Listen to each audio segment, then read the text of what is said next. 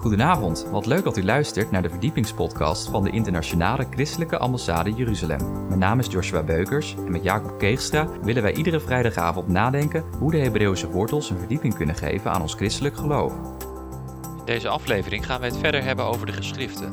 Wij wensen u veel luisterplezier. Zullen we eens verder gaan met die geschriften? Want die geschriften beginnen met de psalmen. Tuurlijk, en al die 150 psalmen kunnen we afzonderlijk gaan uh, exegetiseren. Maar ik wil juist een beetje de, de, de compositie van Gods woord. En na de psalmen, dan zijn er ook die andere geschriften. En dat zijn de feestrollen. Die allemaal met die feesten worden gelezen. Misschien weet je, uh, tuurlijk, in het christendom kennen wij Pasen en Pinksteren. Het grote feest is ons ontnomen. Toen het christendom staatsgodsdienst werd met keizer Constantijn de Grote, toen uh, is het grote feest, Loofhuttenfeest, is vervangen door een heiders midwinterfeest. En is een christelijk sausje overheen gegaan en noemen we kerst. Nou ja, het zal allemaal wel. Maar in ieder geval, de Bijbel spreekt, en God zelf spreekt over drie grote feesten. Pasen, Pinkster en Loofhuttenfeest. En Pasen kennen we en Pinksteren kennen we. Weet je welke feestrollen er vanuit de schrift gezongen worden met die feesten? Neem nou Pasen. Enig idee wat met Pasen als feestrol gezongen wordt? Poeh, dat is een moeilijke vraag. Ah, je weet, de Bijbel verklaart zichzelf, hè? Ja. Als je nou bevrijd bent uit de slavernij, uit de duisternis in het licht bent gekomen, als je tot bekering bent gekomen, de oude is acht, en je bent helemaal wauw, zing je dan een lied van depressie of niet?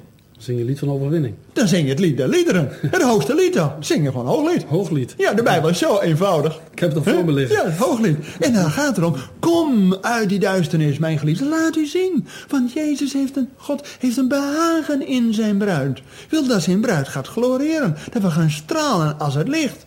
Dan moet je niet in die duisternis blijven liggen. Dus en God nodigt ons met Pasen, kom eruit. Exodus. En daar werd ook een lied der liederen gezingen. Dus hooglied wordt met Pasen gedaan. En dan één stap verder, dan wordt met Pinksteren wordt, ja, Gods woord geopenbaard. He, ik ben die ik ben en God gaat zich in die tien woorden bekendmaken. Maar enig idee welk um, feestrol met Pinksteren wordt gezongen? Enig idee? Geen idee. Nou, wat was in de tijd tussen Pasen en Pinksteren? Was het de inzameling van de vroege oogst van eh, gerst en tarwe. En wie kwam ook alweer met, zijn, met haar schoonmoeder ten tijde van de gerstenoogst naar het huis van brood, Bethlehem, Bethlehem, was Rut. Rut kwam met Naomi ten tijde van, dus met Pasen kwam ze daar. En ze is zeven weken bezig en ondertussen is ze getrouwd met uh, Boas. En dan met Pinksteren, vijftig dagen na Pasen, wordt het Bijbelboek Rut gelezen. Dat God het bedoeld is dat er een huwelijk is.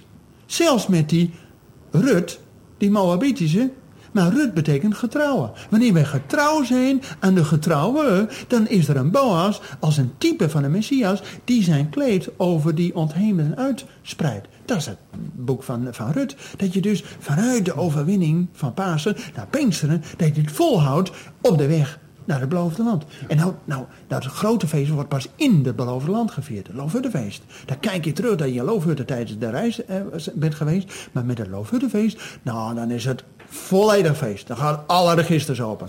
Dag en nacht wordt een feest gevierd. Maar dan wordt de feestrol notabene prediker. Denk je nou, als je nou dag en nacht feest hebt en de Heer komt wonen bij zijn volk. waarom ga je nou prediker? Ja, maar prediker heeft die boodschap, prediker 9 vers 9, geniet van het leven met de vrouw die je lief hebt. Maar wat staat helemaal aan het slot van de prediker? Dat God al je daden in het gericht doet. Met andere woorden, feesten prima, maar het is niet een losbandig leven. Ook binnen de feesten is er een ordening. Dat Jezus het hoofd is en hij is genodigd. Vandaar dat hij ook met de bruiloft van Cana, dat hij dat water en wijn. Overvloedig feest. Maar er is wel iets van, ja, God doet al onze daden in het gericht doen komen. Met andere woorden, God wil wel feesten, maar niet dat we losbandig zijn. Nou, dat moeten wij als christen vaak nog leren. Want soms op zondag zijn we zeer serieus met Gods woord bezig. En als we dan door de week een feestje hebben, nou, dan gaan alle remmen los. Nee, God zegt, doe nou feest in mijn heiligdom. Dat we juist de eredienst, dat we dat dan door lofprijzing en bidding, dat er een feest voor God is. Zeg maar een feest binnen de wil van God. Wij moeten in die zin ook onze diensten, onze kerkdiensten, onze erediensten, dat het een feest wordt. Dat de mensen uit de wereld naar dat feest toe willen gaan. Maar God is, ja, niet alleen dat hij ons op het oog heeft, maar hij heeft de wereld op het oog. En hij wil een feest bouwen, dat ook al die mensen genodigd worden tot het feest. Daarom ga je tot de bypassers, hè, de, de heggen en de stegen, om te nodigen wie wil komen. Het is een keuze van je wil. Dat was in het centrum van je geest, ziel en lichaam. Hè. Dat in je wil, dat je ook wilt komen tot het feest van uw Heer. Nou, en dan moet je natuurlijk ook de daden doen van de gerechtvaardigde. Zodat God ook kan zeggen, ga je goed en wel getrouwe k- knecht. Over weinig zijt ge- ge- getrouw geweest, over veel zal ik u stellen. Ga in tot het feest van uw Heer. Nou, maar, oh, En wees daders des woords, niet alleen hoorders. Amen, amen. Je hebt het al helemaal eh, begrepen. Zullen we eens verder gaan met die, met die geschriften? Want die geschriften, die hebben eh, de psalmen en de geschriften, die feestrollen, de Muggilot, die worden dus ook allemaal met die feesten eh, gezongen. Dus hooglied met Pasen, Rut met Pinksteren, prediker met het Loofhuttenfeest. Er zijn in de loop van Israël nog een paar liederen bijgekomen. Bij de val van de tempel werd de klaagliederen gezongen. Dan denk je wel eens klaagliederen. Nou jongens, is dat nou een Bijbels boek? Nou, klaagliederen heeft een bepaalde ordening die, die houvast geeft. Als je het moeilijk hebt in het leven, dan kun je als je de klaagliederen leest, kun je er helemaal, ja, dan voel je je als dat. Maar de klaagliederen, die heeft ook weer vijf hoofdstukken. Ja. En ieder hoofdstuk... Heeft ook weer twee- 22 versen. 22 Ja. versen. Ja. Dus ook Israël, toen hij in de diepste punt zat, in de holocaust. Ja. Toen was het al die slagen die ze over zich heen kregen. Oh, A, B, Dus het heeft de Joden moed gegeven. Heeft u Ja. moed gegeven. Want wat staat er precies in het centrum van die klaagliederen? Zullen we dat eens lezen? Ja. Klaagliederen 3, vers 23. Het zijn de gunstbewijzen des Heren dat we niet omgekomen zijn. Want zijn barmhartigheden houden niet op. En dan vers 23. Elke morgen zijn zij nieuw. Groot is uw trouw. Ik heb het hier, ja. Dus hier staat ook al dat aan het kwaad klaagliederen, daar voel je helemaal in de misère, in de depressie.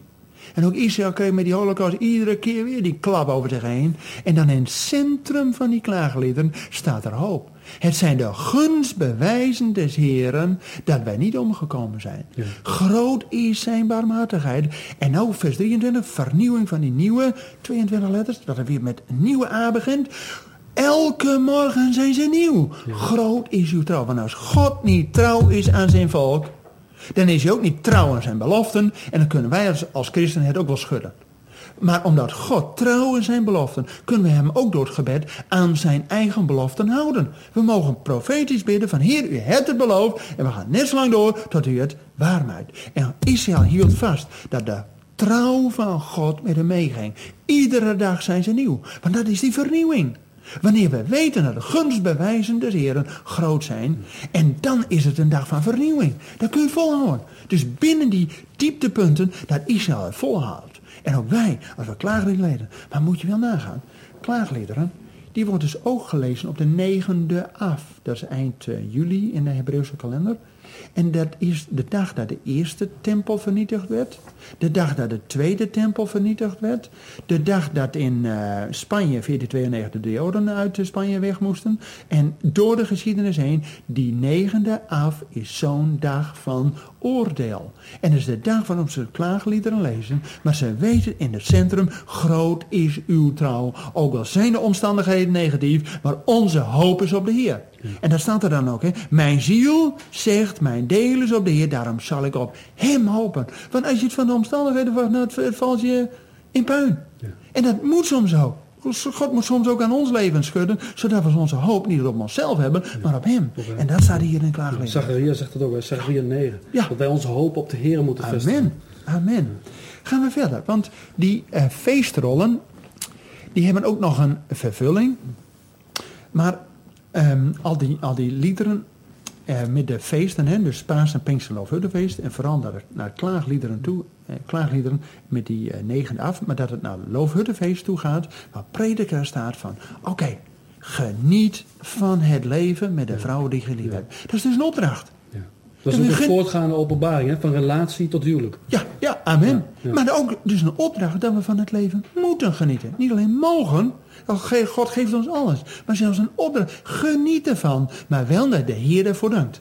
Want God doet het ook in het gericht doen komen. Dus al onze daden, geniet er overvloedig van. Dus we moeten ook niet minimaal christen zijn, overvloedig. Nou, maar Jezus is ook gekomen Opdat we om overvloed leven hebben. te geven en overvloed. Amen. Ja, ja. Nou, laten we naar het laatste deel van de geschriften gaan. Want ook wet, profeet en geschriften. Ook die geschriften heeft weer een driedeling van de psalmen, van die feestrollen en van die slotgeschriften. En dat slot van die geschriften staat in kronieken. Zullen we eens twee kronieken openslaan? Ja, dat is in onze Nederlandse Bijbel wat anders ingedeeld. Want wij hebben koningen en kronieken gewoon bij de historische boeken.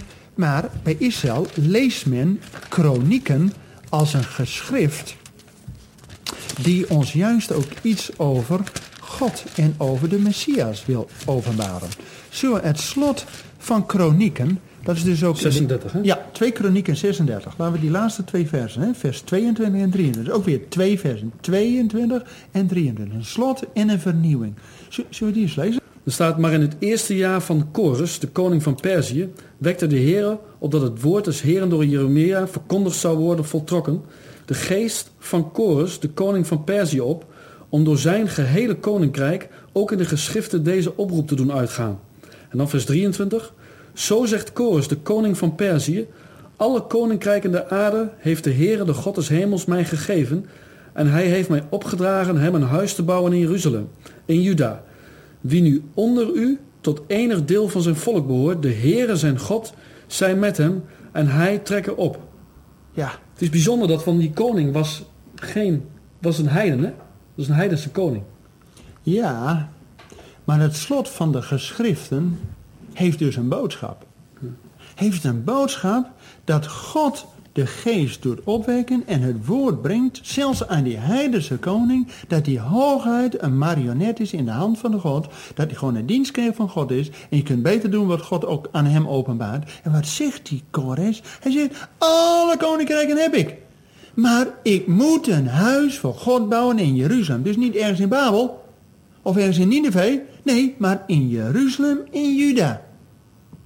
Met andere woorden, zelfs die heidense koning kan weten dat God alleen te aanbidden is daar te Jeruzalem. Daar moet je een huis bouwen. En dat is ook precies het eerste woord wat God zegt. Het allereerste lettertje in de Bijbel gaat het al over dat huis. Ja. En dan moet, als Israël nog in die eh, verstrooiing is en dan opgeroepen wordt om naar eh, Jeruzalem te gaan, dat de heidense koning geeft een rugdekking en zegt, jongens, er moet een huis komen voor God in Jeruzalem.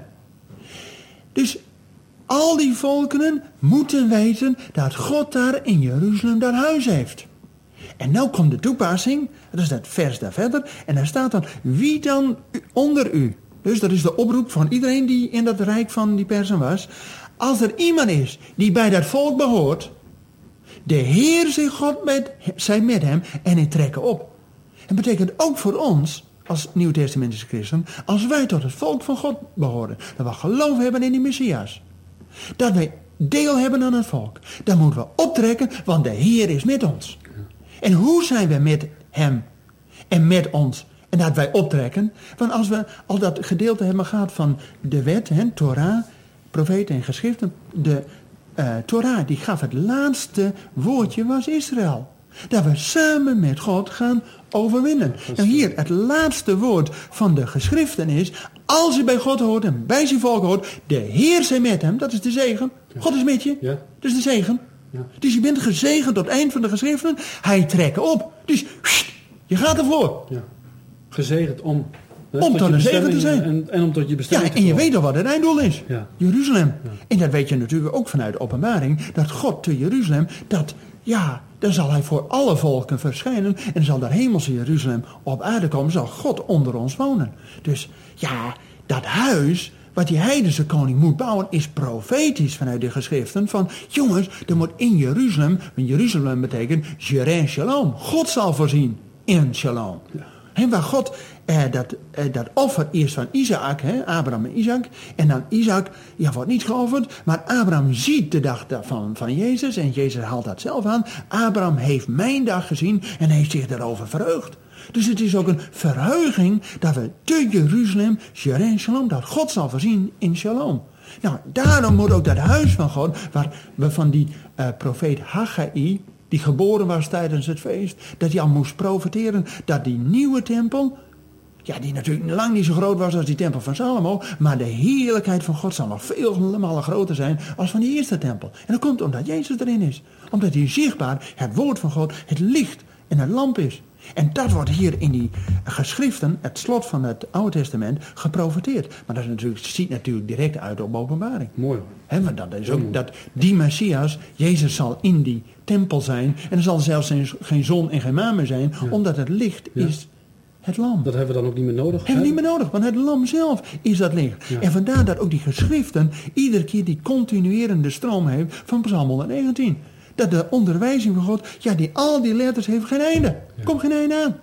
Oftewel, Gods woord is zo repeteren met ons bezig, zodat we het één keer eens een keer door krijgen, het kwartje bij ons gaat vallen, dat we op God vertrouwen en dat we met hem mee mogen gaan. Daarom staat hier die belofte, hij, de Heer zijn God, zijn met hem de Heer zijn God. Dat wil zeggen, niet zomaar de Heer zijn met u, dat is een soort algemene zegen. Er staat de Heer zijn God zijn met hem. Wanneer God ook onze God is, dan pas gaat hij met ons mee. En dan pas kunnen we niet uit eigen kracht, maar dat God met ons mee optreedt. Dan zijn we strijders met hem.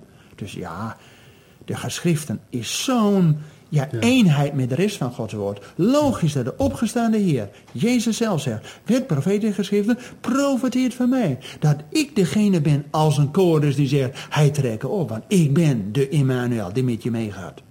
Ja, ja, ik sta helemaal perplex. Ja, ik is... ook. Het is, eh, zo prachtig wat je allemaal vertelt. Het is echt een zegen dat je dit ook met ons wilt delen. Het is echt fantastisch. Ook de kijkers zullen hiervan genieten. Echt. En staat allemaal in Gods woord. Ja, prachtig. prachtig. Dat kost heel wat uurtjes studie, denk ik. Ah, maar wanneer je Gods woord deelt, word je zelf gezegend. Ja. Ja. En ook wanneer je het voorbereidt, wanneer je het zelf bestudeert, hè, dan ontvang je ook die zegen al. Ja, en dat is ook wat Paulus zegt, hè, wanneer je het woord spreekt, word je in eerste plaats zelf opgebouwd. Dus uh, dank je wel dat ik hier mocht komen. geweldig. Ja. Ja. de tijd vliegt. Gods woord is één, dat hebben we heel duidelijk gezien in de afgelopen periode dat we deze uh, studie hebben behandeld in, in zes keer. Uh, maar we gaan gewoon door, maar Gods woord is ook één in het Nieuwe Testament. En uh, daar ziet u in een van de volgende afleveringen meer van. Jacob, hartelijk dank nogmaals. We zien je graag terug om het Nieuwe Testament te behandelen. En ik wens jou ook God zegen. Bedankt voor het luisteren naar deze verdiepingspodcast van de ICEJ. Waardeert u onze podcast? Steun ons dan met een donatie, abonneer u of deel deze podcast met uw vrienden of familie. Ga naar www.icej.nl. Volgende week gaan wij verder met deze Bijbelstudie. We gaan het hebben over de Evangeliën. We hopen dat u wederom weer naar ons luistert. Hartelijk bedankt voor het luisteren en tot volgende week.